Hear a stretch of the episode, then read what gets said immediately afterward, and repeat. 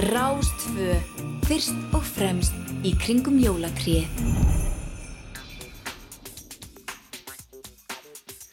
Já, komið sæl og blessu, þá leggjum við að stað hér á laugatasmotni á Rástfö. Þetta er þátturinn fram og tilbaka og ég heiti Felix Bergsson.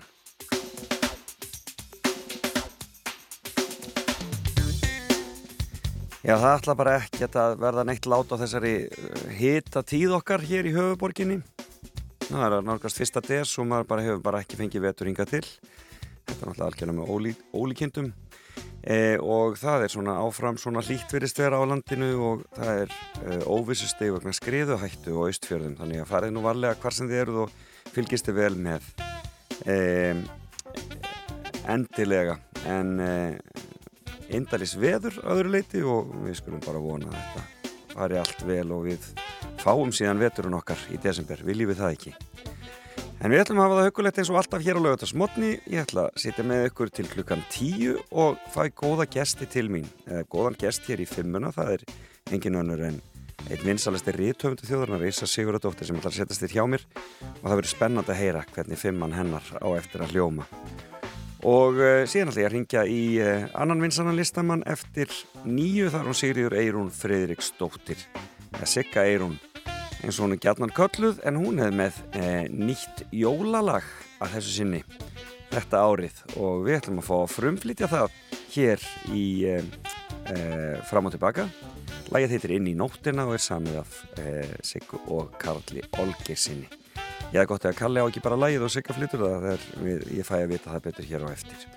En þau eru afskaplega virk þau hjón og duglega að koma frá sér skemmtilegu efni og þetta er frábært lag. Og þó að það sé jólalag þá kannski ekkert meitt rosalega jólalegt það er meira kannski vetrarlegt. En við heyrum betur hér á eftir hvernig þetta hljómar allt saman. Það verður eftir nýju og eh, ég ætlaði að flytja annað jólalag hér eftir það kemur í ljóskosta það hefst. En svona við ætlum aðeins að byrja svona að lauma jólalögunum að og eigum ekki bara að byrja alveg bara á fullum krafti með fyrsta lag þáttarins?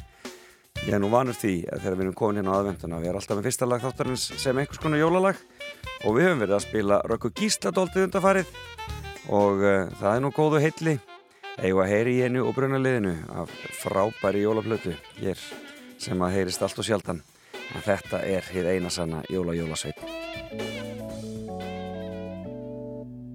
Hver læðist inn í svefnarberg og lætur pakki skó meðan litlu börnin sofa í ró.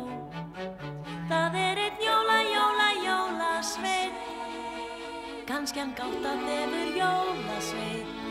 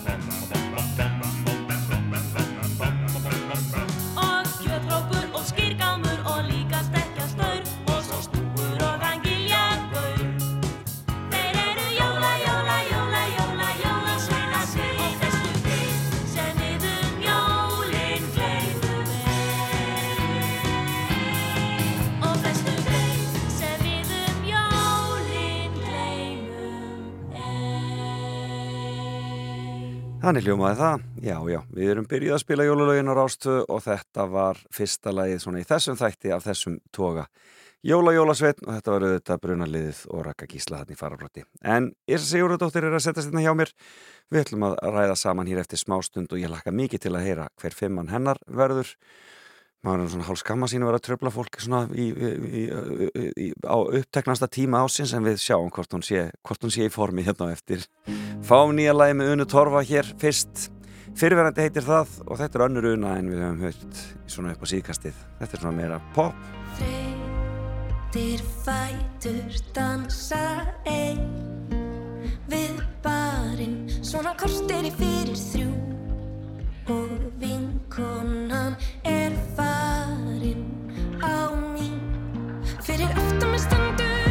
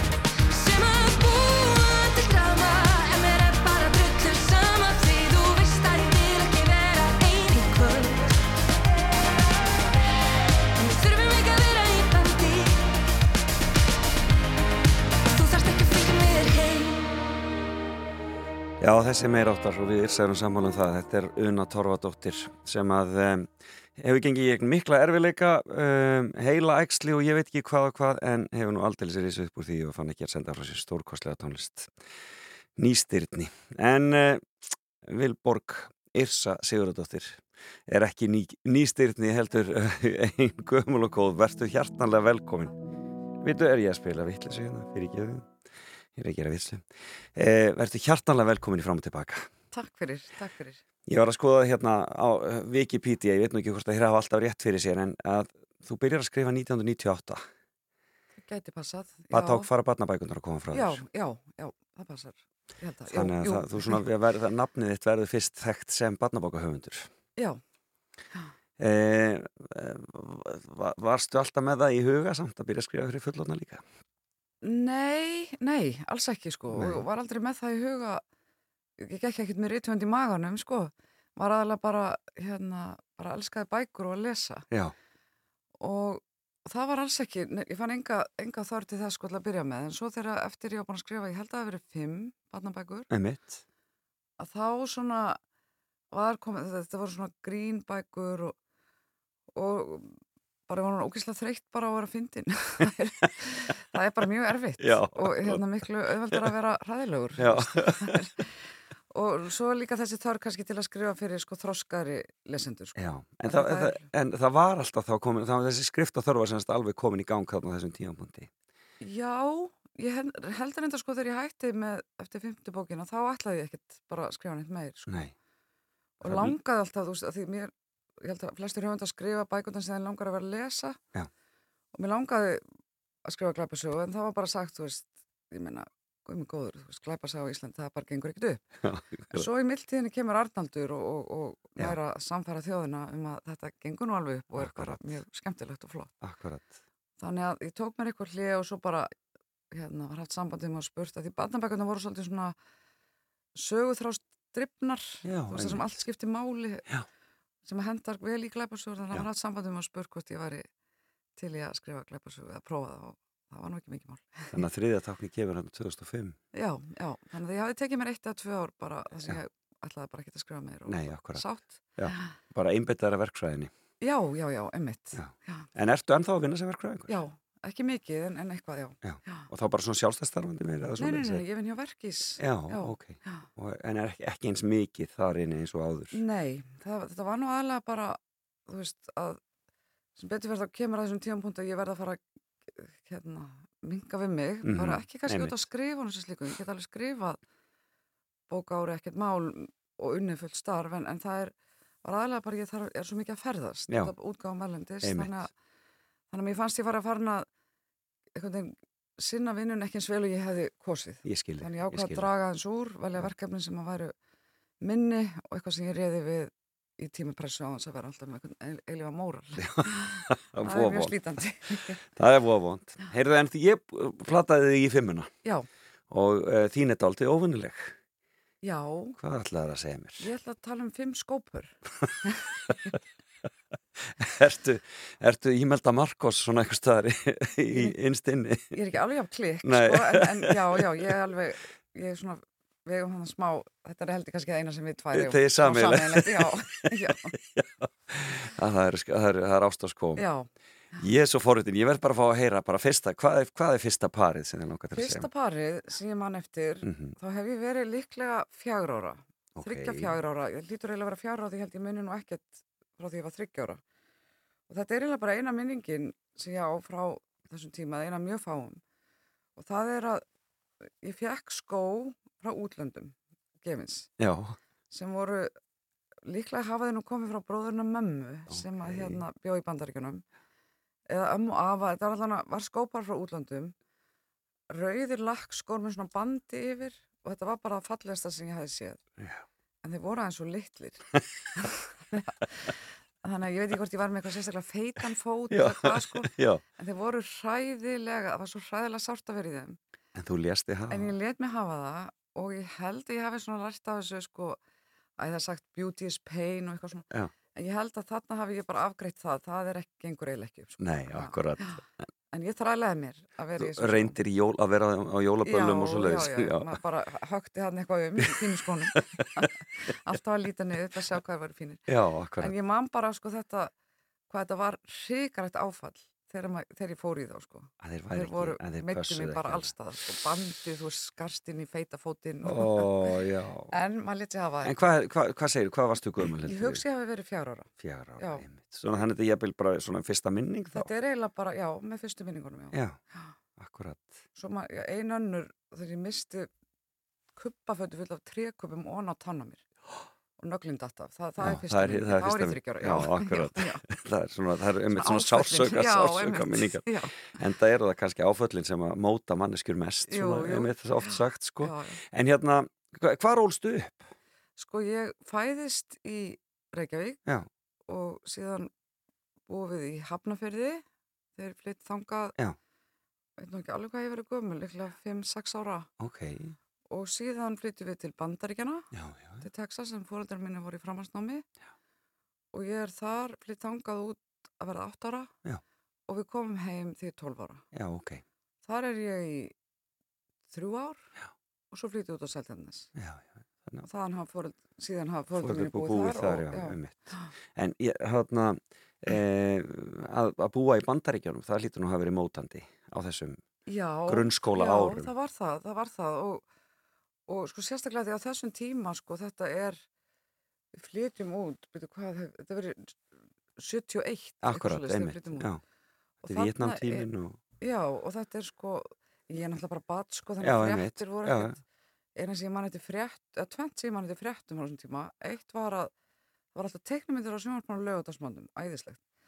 Og þetta var bara þvílík, mér hlakkaði svo til að lögutars og sundarsmöndum teiknumyndinu. Svo var hérna Nixon, það var verið að vísa honum eitthvað, reka hann í burtu eða Einmitt, man já, já, það var eitthvað hólitt nexli.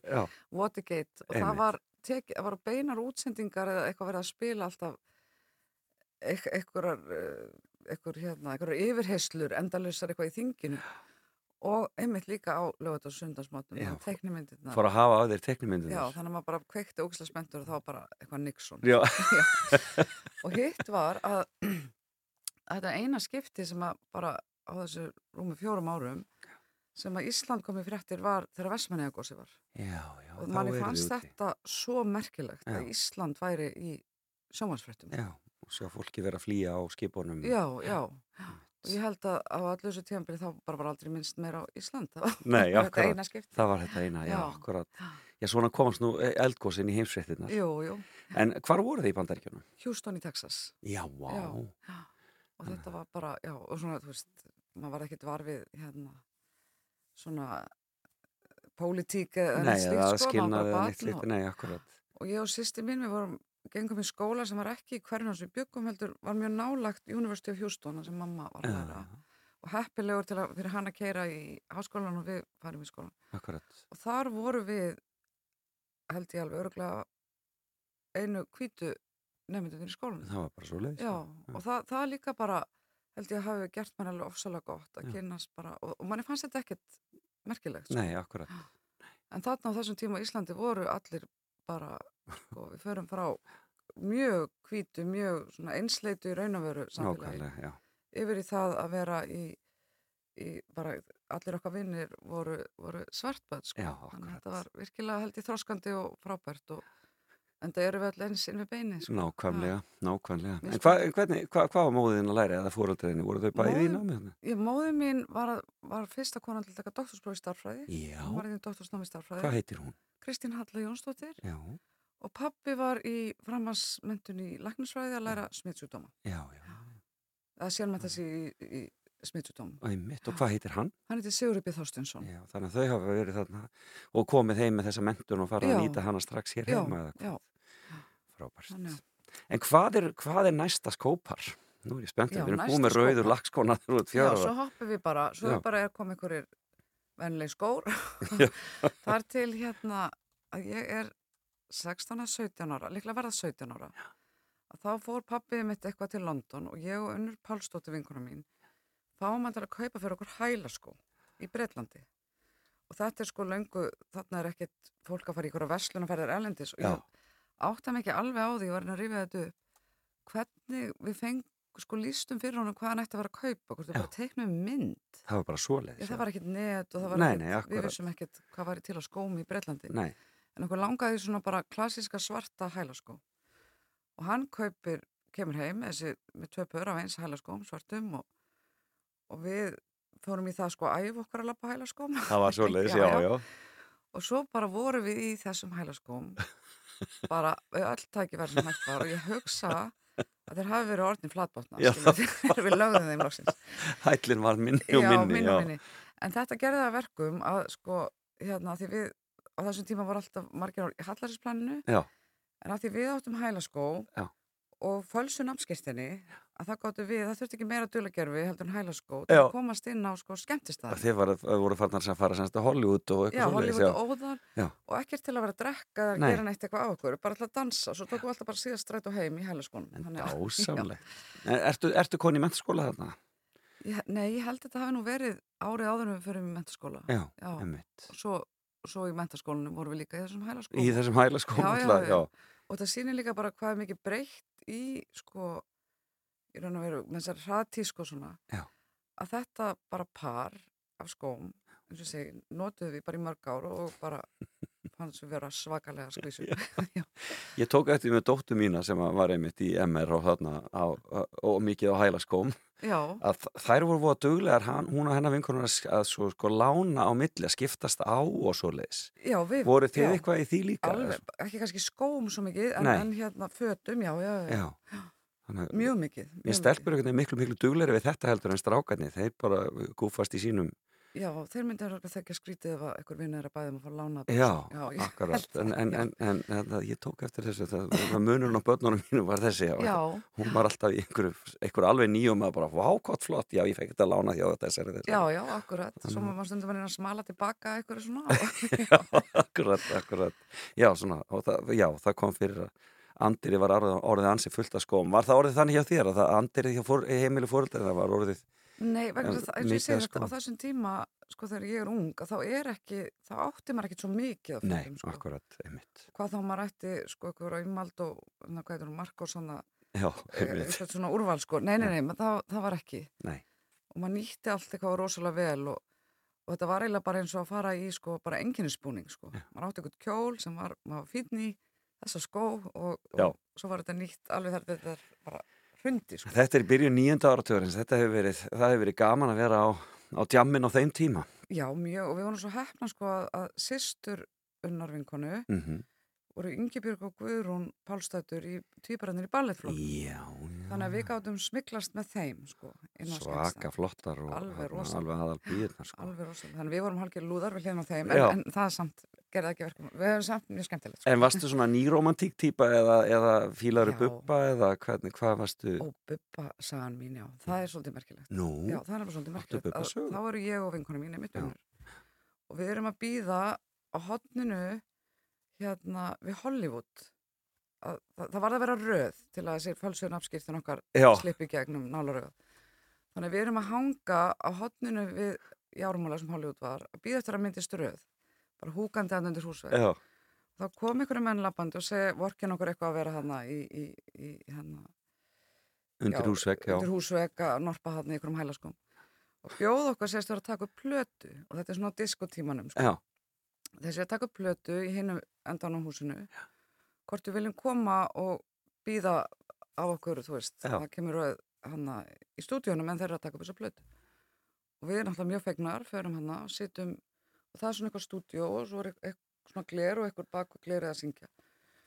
Og það er þá Bubi Martins að taka upp sko hann fyrstu utangansmála plötuna. Ég er bara geisla virka, já. Já, og við sittum hann og hann er að syngja um fiska og við vorum í svo miklu sjokki og við vorkjum hann svo mikið og við vorum að ógúið, hann lítur auðvitað hann landi. Og fannst þetta bara svo sorglegt. Seldjarnin er Já. spýðunar ekki alveg, Nei, ekki alveg. Ekki alveg að kveikja á bandi og og þetta var bara, við vorum alveg bara, ó. Já, svo hérna, en þeir voru svo almennlega við okkur og þetta var ekkert eitthvað skrítið eða eitthvað mýtu, Nei. þeir voru bara ótrúlega, ótrúlega góðir við okkur. Svo, svo loksins kemur rauð og við förum hann ennþá í sjokki og förum svo inn á, á Hollywood að dansa við eitthvað Ring My Bell og eitthvað Já, sem var meira okkar stíl á þeim tíma en svo var þessi plata rosalega vinsæl og þá bara og breytist bara all tónlistin eila svona svolítið kjálfarið og mann segir smekkur nákvæmlega. Að- Hann hafði sko gríðar og þeir hafði gríðarlega áhrif. Já, alveg virkilega. Þannig við vorum farin að dansa við fiskana. þarna- Já, fyrir en fyrir en varði. einmitt. Skemmtilegt. Þeir fáum ein, eitt skópar í viðbót áður en við tökum okkur smá pásu. Hvað, hvað myndi vera það? Það er einmitt sko þegar komið hérna aðeins út í 1980 eitthvað sko. Þá, þá hérna þá sem sagt, eða svona lengra nær 1990, þá er þess að myndi ný romantík og, og allt svona svolítið svona flippufött Ok, og ég keipti eitthvað skó sem ég hans alveg hrikala töf og þeir voru svona svolítið bara eins og í raun og veru svona tennisbaðskór eða svona snjóþrúur hálfpartin, þeir voru svona eitthvað rosalega breyður ég hefur Ok. okay. að lappa á sjónum á þeim. Já, og mér fannst þeir rosalega töf og svo vinkonum mín að gifta sig Helga Þóra Eistóttir og byggði mig um að vera svo sem hann svona gengur á eftir og lagar slörið og allt þetta eh, sem hangir aftan á kjólunum svona. Ég man ekki hvað það heitir en já, já. skottið á kjólnum. Já, já, skottið á Já. kjólnum.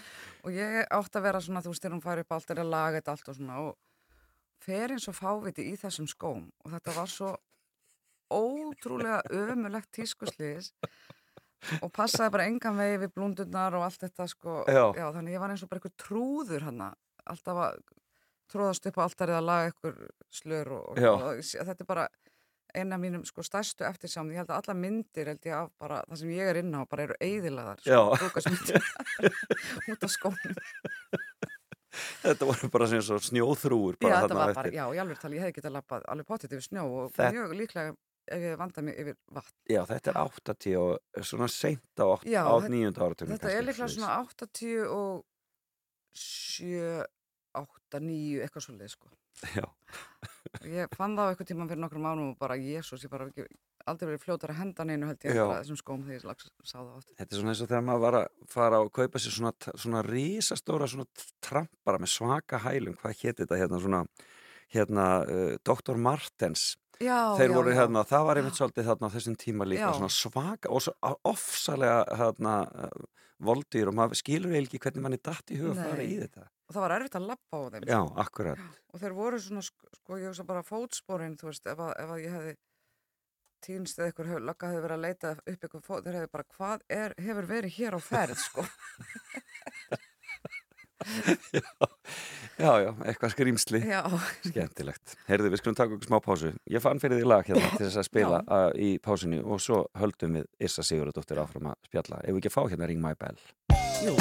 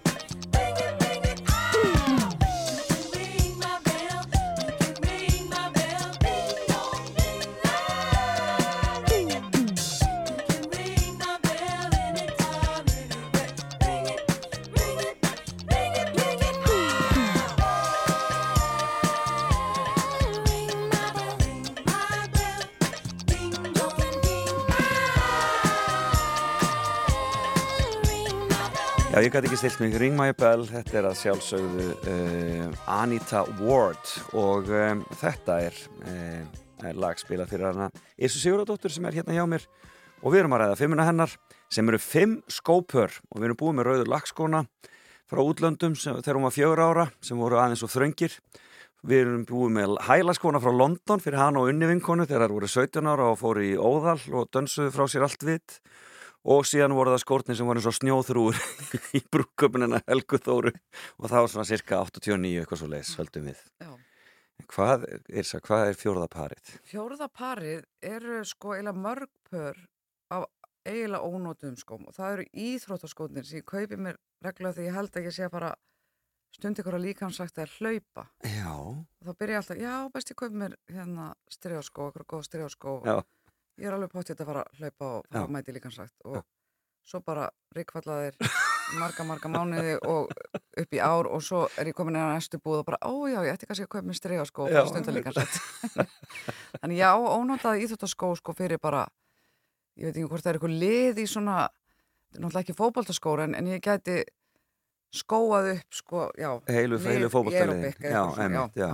En notar þessa skó ekkert? Ertu ekki svona, Nei, þannig að þú farir í íþróttaskó þegar þú ert að fljúa til dæmis á þessum miklu ferðalögum sem þú ert á og svo leiðis? Nei, ég ger það ekki, ég er ekki, ekki styrjaskó típan. Ég, nei, ég er bara, já, eina sem að sko er næstum því styrjaskó sem ég nota, sem komast næst í, sem eru Já. með svona reymum og svona, og það er, það eru æðislega skór sem að, hérna, gefti einhvern veginn krónkrón, sem er komin til út í já. strábotni og, en þeir eru svona það líkast að því sem ég myndi vera í svona dagstælega já, í að vera svona eins og En styrja. ertu lítil íþróttamanneskja svona eh, almennt? Ég er bara null íþróttamannskja, sko. Já. Og aldrei í sporti þegar þú varst ung, ung, ung Ég hafði sund, það var fínt, en ég er, ó, mér er illa við bolta að koma fljúandi í áttina á mér og Já. það var aldrei ógeðslega liðlega í brenn og, og bara vil ekki neina bolta stefnandi að í áttina á mér, sko. já, ég skil þig. og bara eitthvað, ég reyndi eitthvað tíman að hlaupa einu sinni jú, og þá var ég meðan aðri voru eitthvað, ég ætla að renna á 5 km með eitthvað, þá var ég bara svona, ég ætla að ná á milli þessar tvekja stöyra bæta alltaf við með einu stöyr og ég held ég að komist í eitthvað sjö stöyr og þá hugsa, æ, ég Já, nefnir þessi ekki þetta er ágætt, já. Já, þetta er fínt. Ég er aldrei náði að verða svona, sko að segja allir, sko, ef maður þraukar, að þá kemur að því að maður verði bara, ég verð að fara út að hlaupa, ég verð að fara líkansrætt. Ég næ, næ, hef ekki þólum að því að ná því stíði, sko. Ég gefst alltaf upp. Það er, þetta er, þetta er allt saman þólinnmæðisvinna. Já, En eh, talandi um þólinnmæðisvinna, þá ferði verkfræði. Var það, láð það alltaf fyrir að því langaði til að fara í sko, í minn, slíka, slíka, sko, raungreina lá alltaf vel fyrir mér. já, mamma er náttúrulega starffræðingurinn Já, og, já. og pappiðin í læknisfræðinni, það, það, það, þau, þau fag hafi ekki eitthvað þig. Sko, ég, sem sagt, vinningin hjá mér, mamma og pappi eru nú svona eitthvað, mm, ég er nú ekki alveg, það verður alveg svona. Já.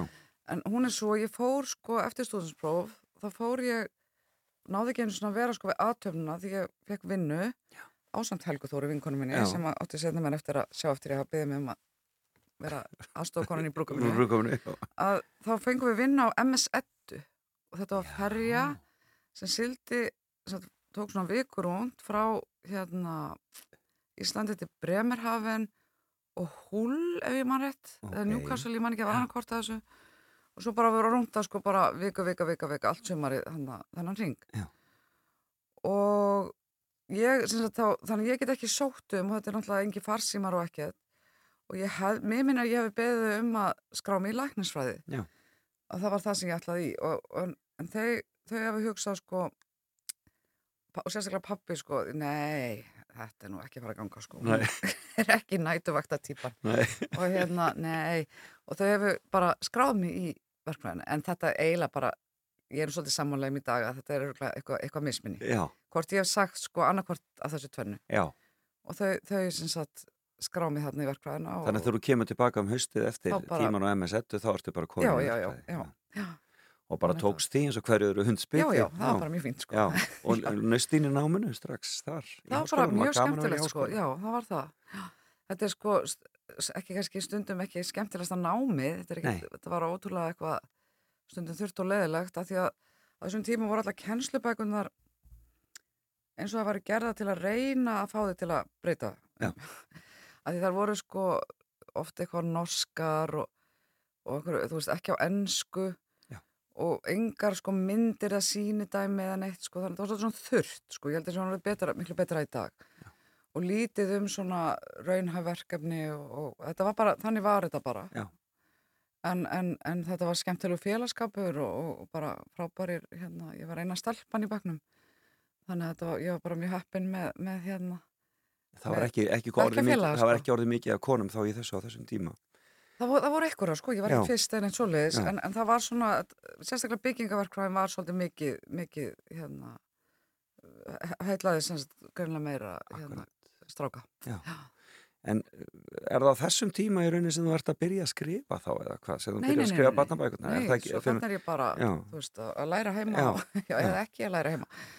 Og hérna, Hvenær byrjar að skrifa barnabækurnar? Hvað, hvað ertu, hvað, ég er hvað, hvað 30 verður? eitthvað, sko. Já, það er á svoleiðis, já, já, já, já, ég, veitu, 98, já, ég er bara, ég, allir hef ekki byrjað að skrifa, sko, 30, já, hún kemur út á líklega þegar ég er 35. Einmitt. Þannig ég kannski byrja 30 Já, 98 kemur hún svo fyrsta. Já, Og Þannig þannig að það, og það, er það, ertu þá að skrifa fyrir börnin þín eða ertu að Já. hugsa um þau eða?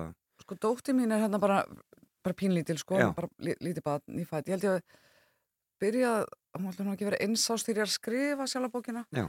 En þá er, er sko sonu minn, að ég var svo mikið lestarhörstur sem Já. og hann var ekki að lesa neitt og mér fannst þetta óhefilegt sko. Mm Að því ég var með þá kenningu að fyrsta lagi að kenningar, ánum kenningi var svo sko, að þú lest ekki sem barn, þá lest ekki sem fullorinn. -hmm. Svo kenning er rugl. Ég er búin að sjá það. Ok, Já, hún, er bara, hún er bara ekki rétt. Hún er bara ekki rétt. Ok, en þó það sé meiri líkur Já, auðvitað. já, en, nei, nei. en hérna, og hinn var sko að ef þú væri ekki að lesa sem bad að þá var, ekki, ge- væri ólíklega að þú yrði sko góð manniska af eins að bækur og sérstaklega fyrir bad þau setja lesandan í spór sem þau myndi annars ekki vera í Ég og, og inn í höfuð á sögupersonum sem að þess að þú getur svona fundið meiri samkend Já. lært að finna til með öðrum og skilja það að það er ekki allir eins og þú og, Mhm. og bara já, lært að fá svona víðari reynslu heim þannig að ég hefði ágjörð þessu og og það ákvað að skrifa svona bækur sem væri þá kannski svona fyrir krakka sem að hérna já, væri svona ævintýri og húmor og bara, bara til að skemmta svona sko. draga þau svolítið inn á, á skemmtuninni. og láta sögupersonuna vera svolítið svona bara venjulega rugglaða krakka Já. já, já eða rugglaða, þú veist svona, svona ekki einhverja, einhverja einhverja fullkomnar sögupersonur sem, hetjur beint sko, bara andhetjur svolítið sko já. Og það gekk svona vel. Já það gekk bara að ágætlega ganga já. Fyrst þar lág Danir í því já, og svo síðasta barnabókin ég, ég þanga til kom einn núna bara frekar nýlega. já, einmitt er, það er bíóbörn, er það ekki? Nei, nei, það var, svo sem kom nýjast, það var hérna Herra Bóbó og Amelie, nei, Herra Bóbó og Amelie á ættbrókin, já. Þannig að það var hrikalega gaman að skrifa hana. Koma að fara, aftur, í, að fara aftur inn í barnaheimin. Og ég var að skrifa hana sko samhliða, held ég, bráðinni, Já, sem var sko bara náttúrulega, þú veist, þú finnur ekki bækur sem eru jafn sko ólíkar. Þannig ég gæti skrifa smá eitthvað hæðilegt Já. og svo bara já, ha ha ha, Já. kvættur og mús. Já. Það var rosa, bara fór mjög vel saman að gera þetta tvent sko. frábært. Það slættist eitt köttur inn í bráðina sko held ég út af áhrifum frá sko frá þessari katabók sem ég skrifaði. Dásamlegt. Já, Dásamlegt. Heyrðu, við höfum eina, ein, eitt skópar eftir. Já, einmitt.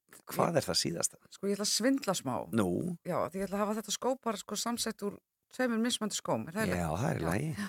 Ok, því að það eru tvenn skópar sem langar að tala um. Já, þetta eru skór sem er svona tilhera nútíðinni Já, og annað var par af skóm sem ég kefti og eru, hællin er búin til úr höfðin á svarthöfða, eða Darth Vader. já, einmitt. Já, og hann er svona allir einhvern veginn í glimmeri og skótin er ekkert sérstaklega flottur öðru leitin þessi hællir er frábær. Og við varum einhvern veginn í New York og í þessum skóm og þetta var bara ótrúlegt að það var bara næst ykkur einasti kallmaður sem sá skóna, þurfti að koma og tala við mig um hvað það væri frábæri skór. En, engin kona eh, sem kom til já, mín einmitt. bara, þú veist, fólk út á götu bara pikkaði mig, bara vá! Menn út á götu. Já, og þá hælluðu þeir svona einhvern veginn kallmenn að því þetta var svona Star Wars en það var svolítið hérna það var svolítið svona skrítið því maður er ekkert vanur því að að menn séu mikið að horfa á skónamann nei, sko. akkurat, einmitt. og hérna já, en þeir verða mjög fljótt sko, þeir eru ekki svona skór sem getur labbað allir hællin bara hverfur því að þeir eru svona, hérna já, þeir passa nú ekkert við allt og, og, og eru, maður fær svolítið leið, þú veist. Já, skil, mjög fljótlega, ég skil, já. já. og hini skónir eru skór sem eru upp á skónir mínir núna og þeir eru eftir rúmenskan hannuð sem kaupir skólegara sem ekki seljast af einhverjum skóframlegundum sem ljóti skór sem engi vill vera í og býr til úr þeim flotta skór sem allir vilja vera í sem er, og þetta kallast upcycling. Þetta en þetta er er svona líka umhverfisvæn og þeir eru svo flottir að bara já, ég gæti jafnvel sko stilt þeim bara upp heima hjá mér, mér þeir svo flottir. Og ég var í þeim um daginn það var ég á hérna, Cheltenham-háttíðin í Breitlandi Já. sem er svona bókmyndaháttíð og þar gerðist þau undir á stórmerki að Stephen King var hérna í viðtali reynda sko hann flýgur ekki þannig að hann var svona skjá. Já. og þetta var bara veist, uppselt allir bara rosa spenntar að sjá hann. Og svo eftir var ég beðinu um á samt einhverjum tveimur öðrum höfundum að vera svona í pallbórsumræðum um þetta Um við Stephen King, já, og svona já, og hérna og, og fólk búið að horfa hann á hann og hlusta svo okkur tala og svo er leift spurningar á sal. Og þá bara bara fyrsta spurningin bara hvar fegstu þessa skó? Ekkert um Stephen King þú veist alltaf merkilega sem hann var að segja bara hvar fegstu þessa skó? En þeir eru eru hrikalega Rúmenskur, hvað heitir þessi rúmenski hönnur? Sarka. Sarka, já, og þetta er, hann er mjög algengt hann búið til úr sko næg, næg, alls konar hæla sko en þessir eru ekki þannig, þeir eru svona glansrauðir eins og hann að sko, eins og og þessi ég rauðlagsskotni byrjaði á, já. einmitt. Og með svona keðjum og þeir bara eru, þeir eru bara ótrúlega flott hvað er skemmt þetta fólk getur gert en þetta er alltaf framtíðin að fara að endur nýta hluti og Jú, gera, jú, gera, gera fallegt úr, úr gömlu. Og ég ætla að hvetja fólk bara, fyrst ég get nota tækifærin Já. til að koma í dag á hérna í Hörpu, Já, þar er bókamessa. Einmitt. Og klukkan þrjú þá er ég að fara að taka viðtal við Katrínu Jakobsdóttur og, og Ragnar. Já, um bókina þeirra. Um bókina þeirra og glæpasögur. Já. og ég skal vera í þessum skóm þannig að þeir sem vilja sjá þessa skó þeir geta mætt, og, hérna, já, fá, fá í bónus að, að heyra þetta þessi tvö skemmtilegu og kláru hérna, kláru höfunda tala. Fæ- Það Færri ekki munu- að um sko, að um að- að en vilja. Já, En nýja bókin þín er komin út já, og gæ, gættu þina handa. Já. Og uh, ertu, að, uh, ertu með gamal reynda karaktera þar í forgrunni eða? sko þetta er bók tvö í serju sem verða nú bara fjóra bækur. Já, og hérna og hver bók mun fjallum eh, allan fyrstu þrjár fjallum sikkvara mannskjuna í svona lauruglu teimi Já. og þessi er um yðunni sem er hérna svona kri- er að krifja og svona. Þannig það kallaði á svolítið mikla hérna það hefur mikið þarna rannsóknarvinna. Já, já, já en, en skemmtilega sko. Já. já, já, kom læknirinn upp í þér. Já og líka bara þú veist, ég var að mynda að sko ef að þú veist, minn Google profíl er náttúrulega bara hræðilegur, þú veist, ég líti að vera okkur svona, svona varúðalista Já. eitthvað stafið í heimi, þú veist bara, það er amputasjónir og, já, já, bara og- eitthvað ok, bara endalist en, en er þetta skemmtilegu tíma ásins lí, lí, líður alltaf vel á þessum tíma þegar Já bókin er komin og, maður er náttúrulega glaður hún er komin út og svo byrjar maður að kvíða, þú veist, fyrir því að að fólki finnist ekki skemmtilegt og Já. allt af hann, sko. Þetta, þetta, er, þetta, er, þetta er svona bland í póka, sko. En ég er alltaf, sko, glaðasta koni í heimi á aðfanganda. Það var allt búið, Já. Ógæðslega hress á gamla skoðu já, og svo þarf maður að fara að hugsa um næsta. já, fara að huga næstu Þannig ég hef þess að viku þarna, hérna, aðfangandagu til gamla skoðu, þannig ég get slakað alminnilega á. Þess að Sigur Óttóttir, kæra þakkir fyrir komuna í fram og tilbaka og var dásanlegt að sjá þig og heyra fimmuna þína. Takk fyrir komin. Takk fyrir mig.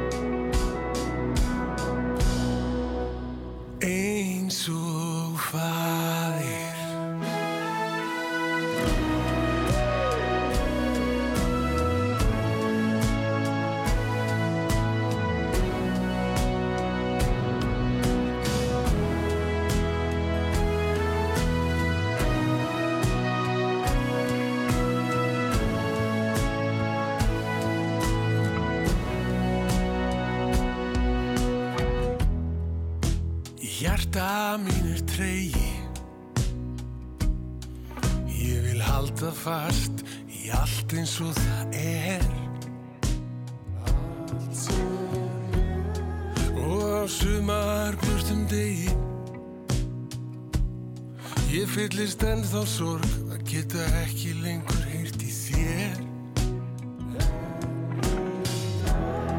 Ég ætla að dvelja í þessum degi. Ég ætla að læra að elska mannin sem ég er. Því á endanum er ég einn á þessum veginn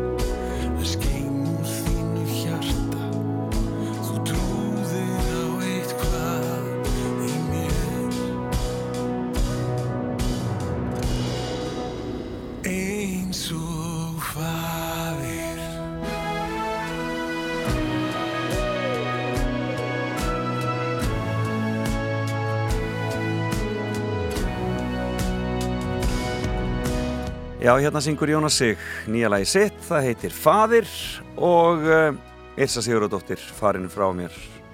Gaman að fá hana hér og skemmtileg fimm að fimm skópur og þau urðu nú eiginlega sex og svona verið rest.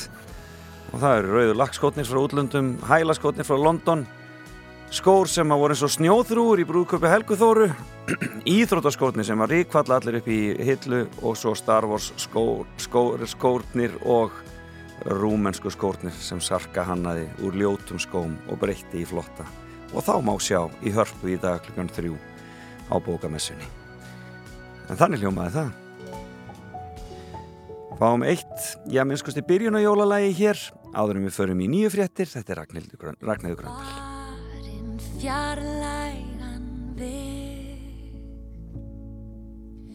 Fylgjumst að þú og ég. Hjartans lifna ljóð og lítil kviknar glóð. Minningar hitta mig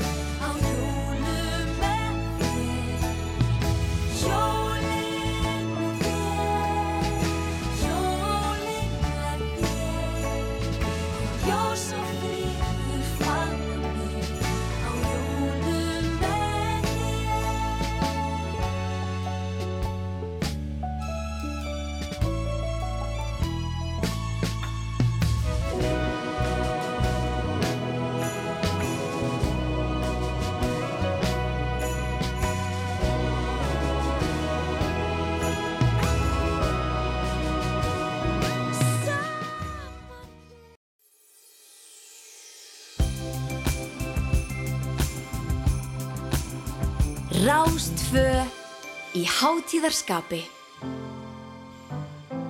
Já, við höldum áfram í fram og tilbaka og hefjum þess þennan klukkutíman með mm, hljómsdeinni í dönsk og þetta er aldrei stórkostlegt lag frá þeim sem heitir Stundum og heyrist Stundum en allt og allt og sjaldan.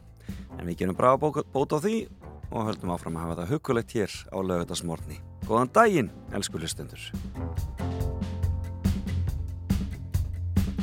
Höfu skepnur hingað til. Hafa gefið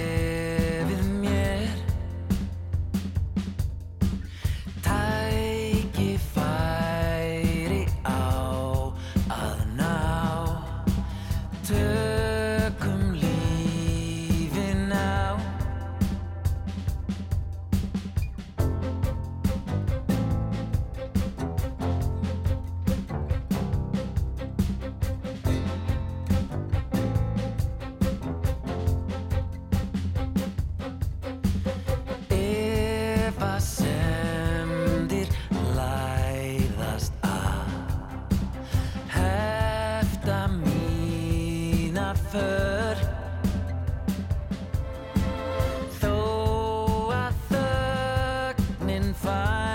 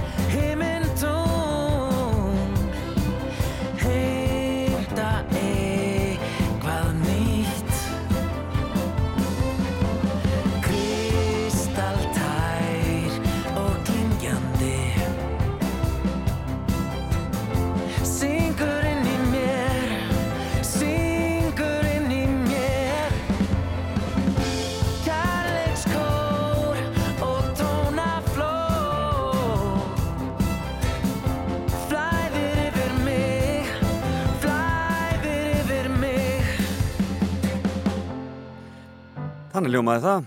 Þetta var nýtt dönsk og lag sem heitir Stundum. En Beck er næstur og svo fer að líða því að við heyrum mínu Siggu Eirunu og nýja jólalægið hennar. One, two, one, two, three.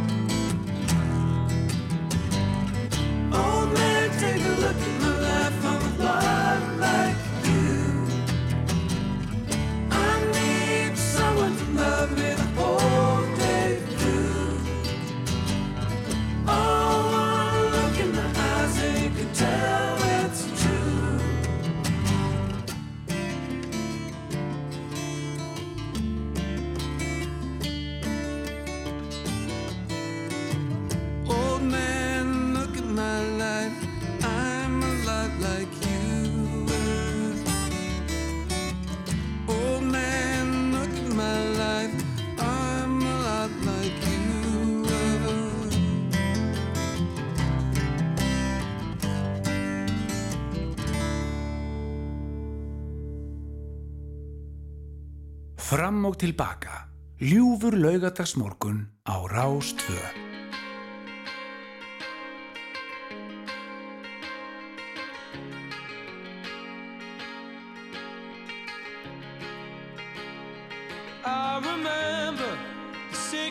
was forever. I remember snuff videos, cold September. we covered, the fist fights on the beach, the busies round us up. Do it all again next week. An embryonic love, the first time that it's scarred. Embarrass yourself for someone, crying like a child. And the boy you kicked Tom's head in still bugs me now that's the thing, it lingers. And cause you when you die.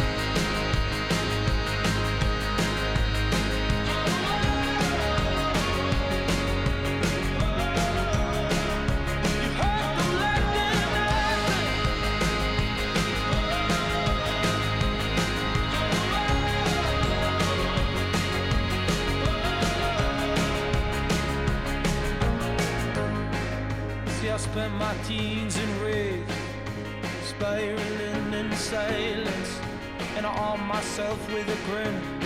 Cause I was always the joker, buried in the humor amongst the white noise.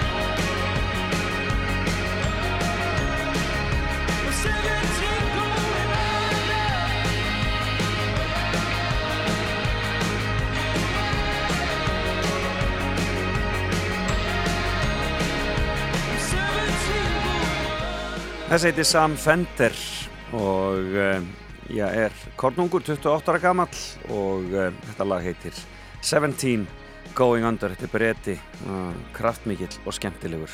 En það eru fleiri kraftmikill og skemmtilegur og einn af þeim er Sigriður Eirún Friðriksdóttir eða Sigga Eirún og hún er í símanum, komtu sæl og blessuð Hæ, og gleðilegan lögadaginn. já þakka fyrir sem leið. Ertu, ertu komin snemma, ertu komin snemma á stað á lögatöfum, Sigga? Já, ég er náttúrulega með þryggjara bat, Já, já, eða hún er að verða fjörara og, og kettling. já, já. Þannig að við sofum ekki mikið þessi dana. Nei, það er svo leiðis. Já, það þarf að sinna þessu öllu saman.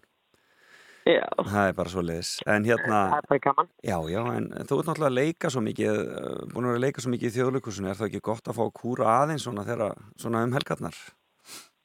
Jú, en það verti núna, þannig að við erum hérna að vinna svolítið mikið og æfa þegar að gefst tími og svona, svona jóla, jólagigg og svona, þannig að það er, hérna, við bara, maður bara passar upp á sig, fýla sig þegar maður getur og mæti rektina og svona. nákvæmlega. Og, drekka te og svona. Þarna, og svo leiðis. Þarna, e, þið ætlaði að vera með jólatónleika, þú og maðurinn, Karl Olgersson. Já, við ætlum að, ég get ekki farið úr þjólikúsinu, ég á mjög erfitt með það, Já, ég ætla að vera í þjólikúskjallaranum, auðvitað. hérna 17. desember. Einmitt. Og hvernig, hvernig, hvernig konsertur eru þetta? Þetta verður svona, við erum með hérna Just Trio, sérst Kalli Þorgrymur Jónsson og Hannes Friðbjarnar Dásanlegt. á, já, tókja bassa og, og Hannes á trómur og hérna og við ætlum bara að hafa þetta svona lástemt en hátilegt og hérna og svona, já, huguleg jólalög. Svona viku fyrir jól bara, alveg. Já, við hefum gert þetta svona, já, við hefum aflega gert þetta svona fimm sinnum, Mm held ég, Hald, haldi jólatónika og hérna, og ég er búin að sakna þess svolítið mikið og núna þegar við erum búin að vera að setja saman prógrami þá fær maður svona hlýju tilfinningu aftur, bara, Já, akkurat. Þetta er svo rosalega eitthvað mikil hluta jólunum fyrst mér, Já. að syngja jólalög. Dásamlegt. Já, Þannig að það verður gaman að, að upplifa það. En ég veit líka að þið eruð að undirbúa uh, endur komu dífana sem að voru inn í salnum. Er það já, það er, kom, ó, það er svo gaman. þið ætlaði að koma saman í, í janúar, er það ekki? Já, ég og Hansa og Margrét Eir og Þórun Lár Já, á hérna samt Kjartani Valdmars. Já, Við erum bara, Þórun hafði samband við mig svona þegar við heldum að COVID var að ljúka eftir mann fyrra. og, hérna, og bara, að ég vil langt svo að gera eitthvað og syngja eitthvað sem að, þú veist, maður aldrei svona einhvern veginn beður um að syngja í veislum kannski eða eitthvað svona. einmitt. Og hérna, og við hérna ákvaðum að hóa saman þessar dýfur og hérna, og við bara erum að syngja söngleikja lög sem að við myndum kannski aldrei vera settar í þessu hlutverk. kannski. Já, já, ég skil. eða kannski einhverjar hafa sungið hlutverk en kannski munu ekki gera það aftur eða eitthvað eða hérna Ímsi möguleika þarna, já. já þú veist ég kannski, kannski mögulega kannski er ég að fara að taka eitthvað með Anni Já, einmitt. ég ætla ekki, ekki ganga svo langt en hérna en þetta er bara svona, já, lög sem að kannski eru hugsuð fyrir kallutverk og svona þannig Já, einmitt. Þannig að þetta, við gerum þetta þess hausti 2021 og hérna svo var planið að gera þetta aftur í janúar, þá kom COVID aftur og, og núna loksins þá höfum við náð fundið dagsetningu þar sem við erum allar lausar og það er ekki COVID. Já. Þetta er bara, þetta gæti ekki betra verið. Ég hlakka mikið til. Nei. Það verður í janúar. Já. En Já. svona í tilefna af uh, jólatónleikunum þá hafið þið hrært í jólalag að nýju. Já. Segðu mér aðeins frá þessu er- Það heitir Inn í nóttina. Þetta er nú ekki, svona, ekki, svona, ekki mjög jólalegt nafn á lagi. Nei, það er hérna, það er svo mörg jólunum sem heita Desember. Já. Já. Sko, en, það, en þetta er, þetta er ekkit rosalega jólalegt lag. Eða, það er, jú, það er svona uh, fallegt og, og hérna, en það er ekki svona uh, mikið svona bjöllur og eitthvað, veist, þannig að ég held að þetta sé lag sem getur alveg lifað þótt að sé ekki jól, sko. Akkurat, þetta er svona vetrarlag kannski meira. Já, en þetta er hérna, þetta er romantist, þetta er, hann kalli samtið þetta hann var búin að vera svona svolítið obsessed af Carpenters Já, já, já, já. og hérna langaði að gera Carpenters lag og hérna og ég bara, ó, ok, ég hljóma ekkert eins og Karin Carpenters en, en ég held að þetta sé ágætis heiður til heiðurs hennar hérna og þetta er bara svona lag um að hvað lífi getur verið snúumanni á kvolf og eins og í svona snjókúlu og hrist mann hrist, hrist einhvern veginn tilveruna en, en ef við erum einhvern veginn saman og þykir væntu um hvort annað þá verður þetta til lagi Það eru dásanlega skilabóð. lendum við einhvern veginn alltaf á fótunum Það er bara dásanlega skilabóð og bara eitthvað akkurat til að taka með okkur inn í aðvenduna. algjörlega Sigga Eirún, kæra þakk fyrir spjalli, gaman að heyri í þér og til hamingi með nýja læði. Við skulum heyra það núna, frumflutningur hér á Rástu inn í nóttina með Sigga Eirún og Karla Olgirst. Kæra þakk fyrir spjallið og hvað er hægt að ná í miða á jólatónleikan ykkar? það er inn á á eða inn á leikhúsið.is Frábært, kæra þakk fyrir spjalli, gaman að heyri í þér. takk fyrir bless, bless. bless. Já, hér er Carpenters andin sem svífur yfir vötnunum. Inn í nóttina. Kemurðu inn í mína drauma, hér dvelurðu. Þú segir mér að allt sé orðið heilagt sem betur fer. Þú og ég mætum heiminum saman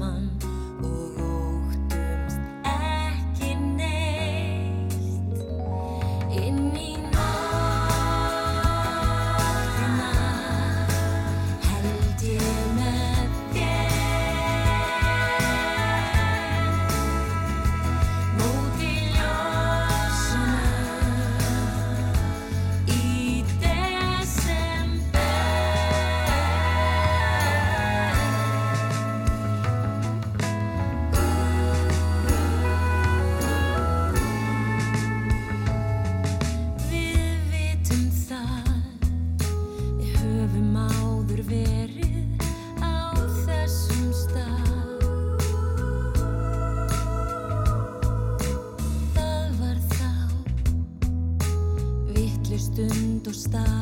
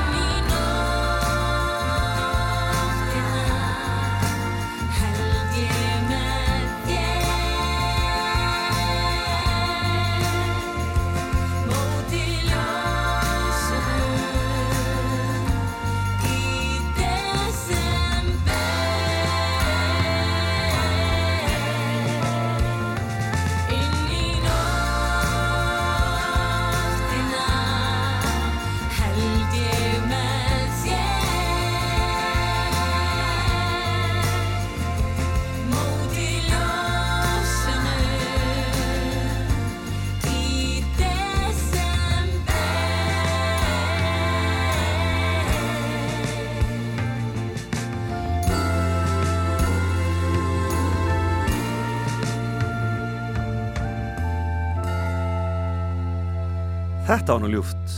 Sigga Eirún og Kalli Olgeirs. og uh, nýja lagi þeirra sem heitir einfallega Inn í nóttina og uh, við skulum heyra annað nýlegt hér strax Rástvö, með þér um helgar. Já, þetta er Guðmundur R. Gíslason og nýja lagið hans sem heitir Einmunatíð Tittilagið að nýju plötunans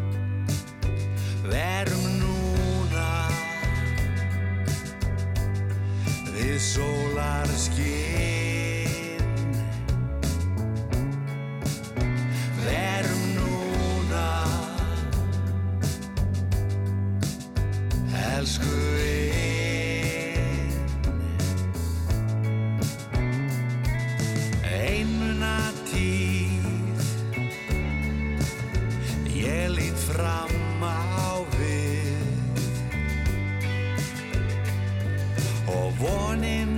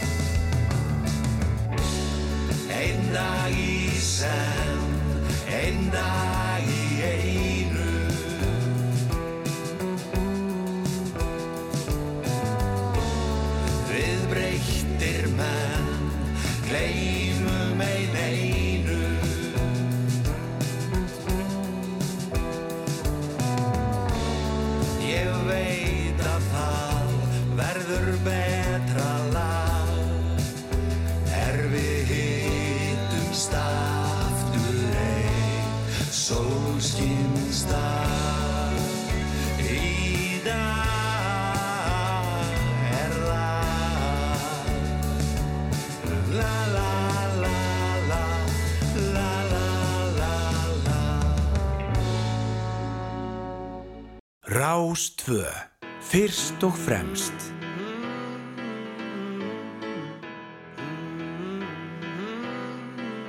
I like the way you talk. I like the things you wear. I want your number tattooed on my arm in ink, I swear. Cause when the morning comes, I know you won't be there. Every time I turn around, you disappear.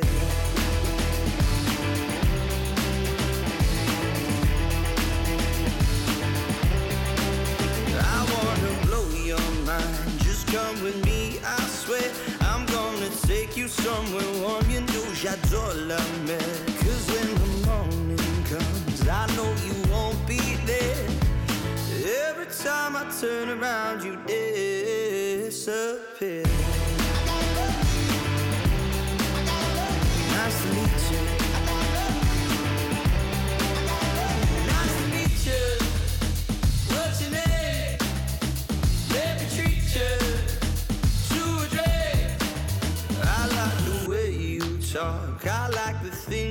Wear. I want your number tattooed on my arm in ink, I swear. Cause when the morning comes, I know you won't be there. But every time I turn around, you disappear. Nice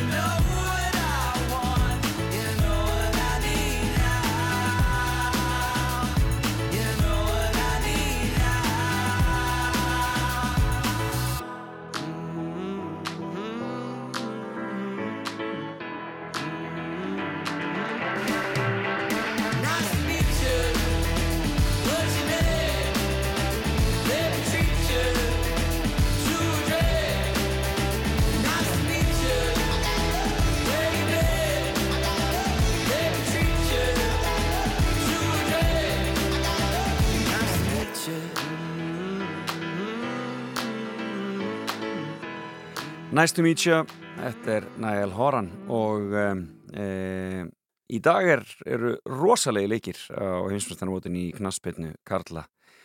E, hver leikun á fætur öðrum sem skiptir gríðarlega miklu máli, e, ég nefni bara Póland og Sáti Arabi núna klukkan eitt, Sátarnir sína úr hverju þeir eru gerðir og koma sér alla leið í næstu, næstu umferð. Þetta verður hörkuleikur. Frakland-Danmörk síðan klukkan fjögur, ég veit að það verður mikill áhuga á þeim leik og svo svakalegu leikur í kvöld, Argentína og Mexiko. Þetta verður um, meiri háttar og um, gaman að fylgjast með þessu. En uh, ég las eitthvað staðar á einhverjum samfélagsmiðlunum að, að uh, menn væru mikið að vona að það myndi ekki fara að regna í Katar. Uh, það væri einfallega vegna þess að þá geti myndast regnbói og þá þurfti að aflýsa öllum leikjum en þarna Þetta er þannig, það var alltaf hægt að hlæja þessu, þessu bulli öllu saman. En heyrum nýja, nýtt lag nú. Hildur Vala Einarsdóttir var að senda frá sér lag. Það heitir Eitt stundarbil og uh, er bara hreinlega dásanlegt. Nýlu að koma á fullu þessa dagina. Þetta er gammalt lag en í frábæri útgáfu Hildafölu.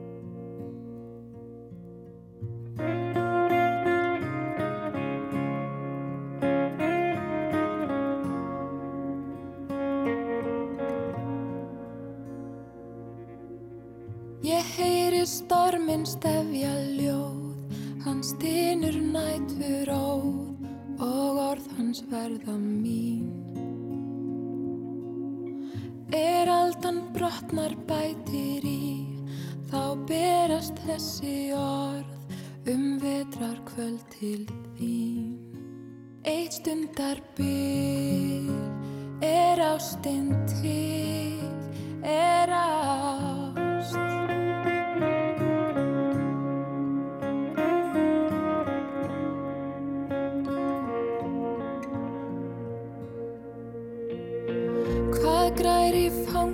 Þessum frís, fangað undir ís, þar dafnar varla neitt.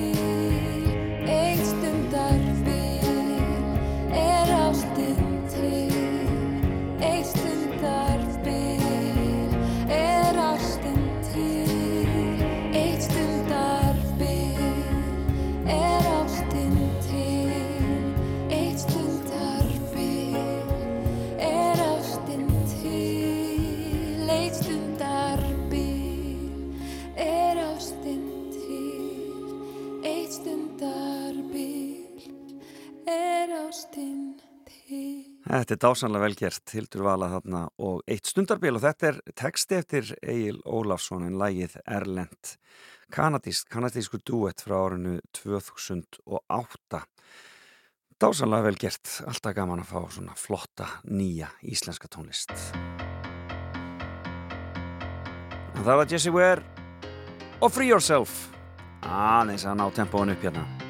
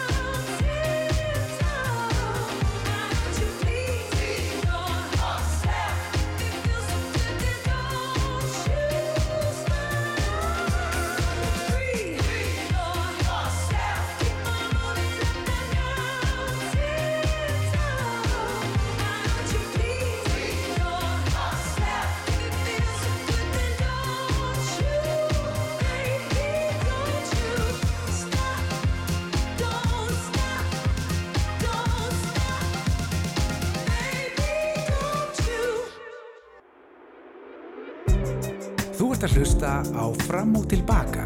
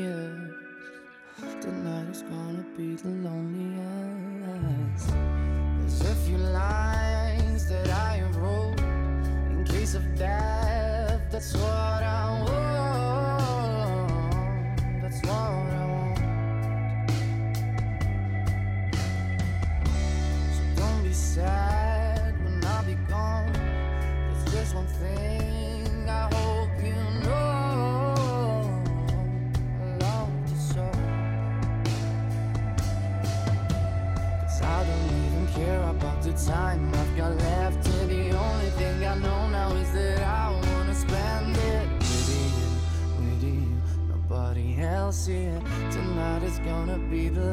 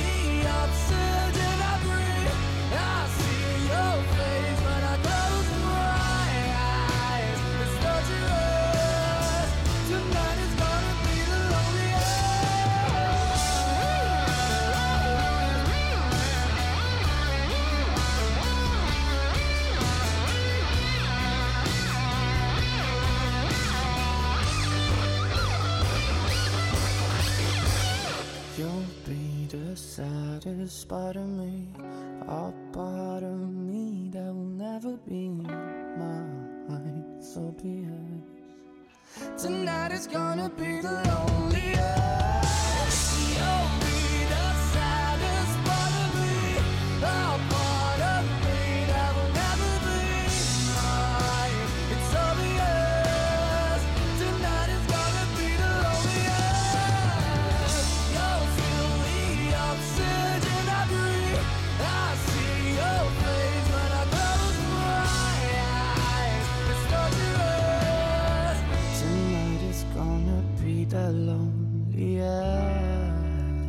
Ítalska hljómsveitin með danska nafnið Måneskin og eh, nýjasta lagi þeirra sem heitir The Loneliest og þeir eru auðvitað og þau eru fyrir þetta síguver eða voru síguver í Eurovision árið 2021 og hafa aldeilis gert það gott síðan. Beint úr efstaleitun í Reykjavík, fram og tilbaka á Rástvö En ef við ekki að fá annan síguver úr Eurovision? Fyrstu við erum byrjuð.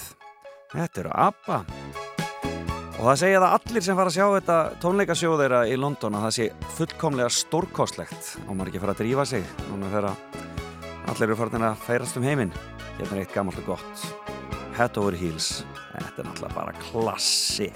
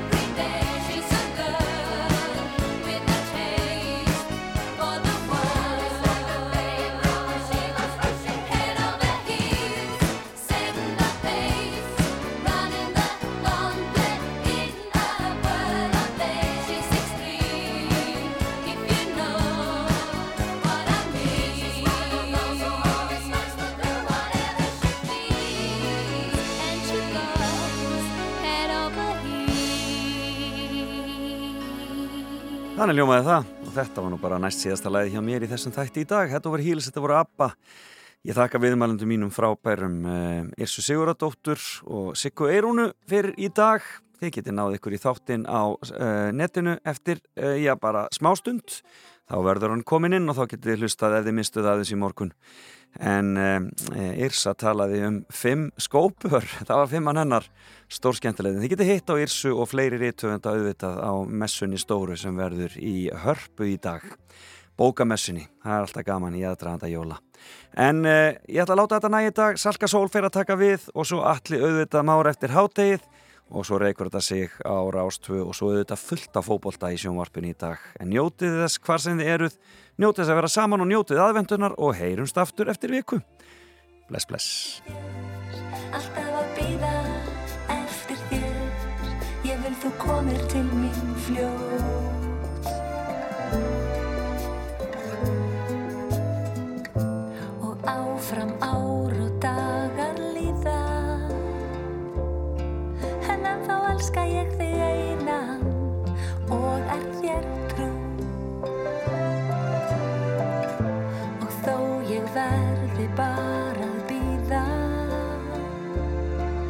verður byðin svo þess verði Er heim kemur þú. Ég er að býða eftir þér.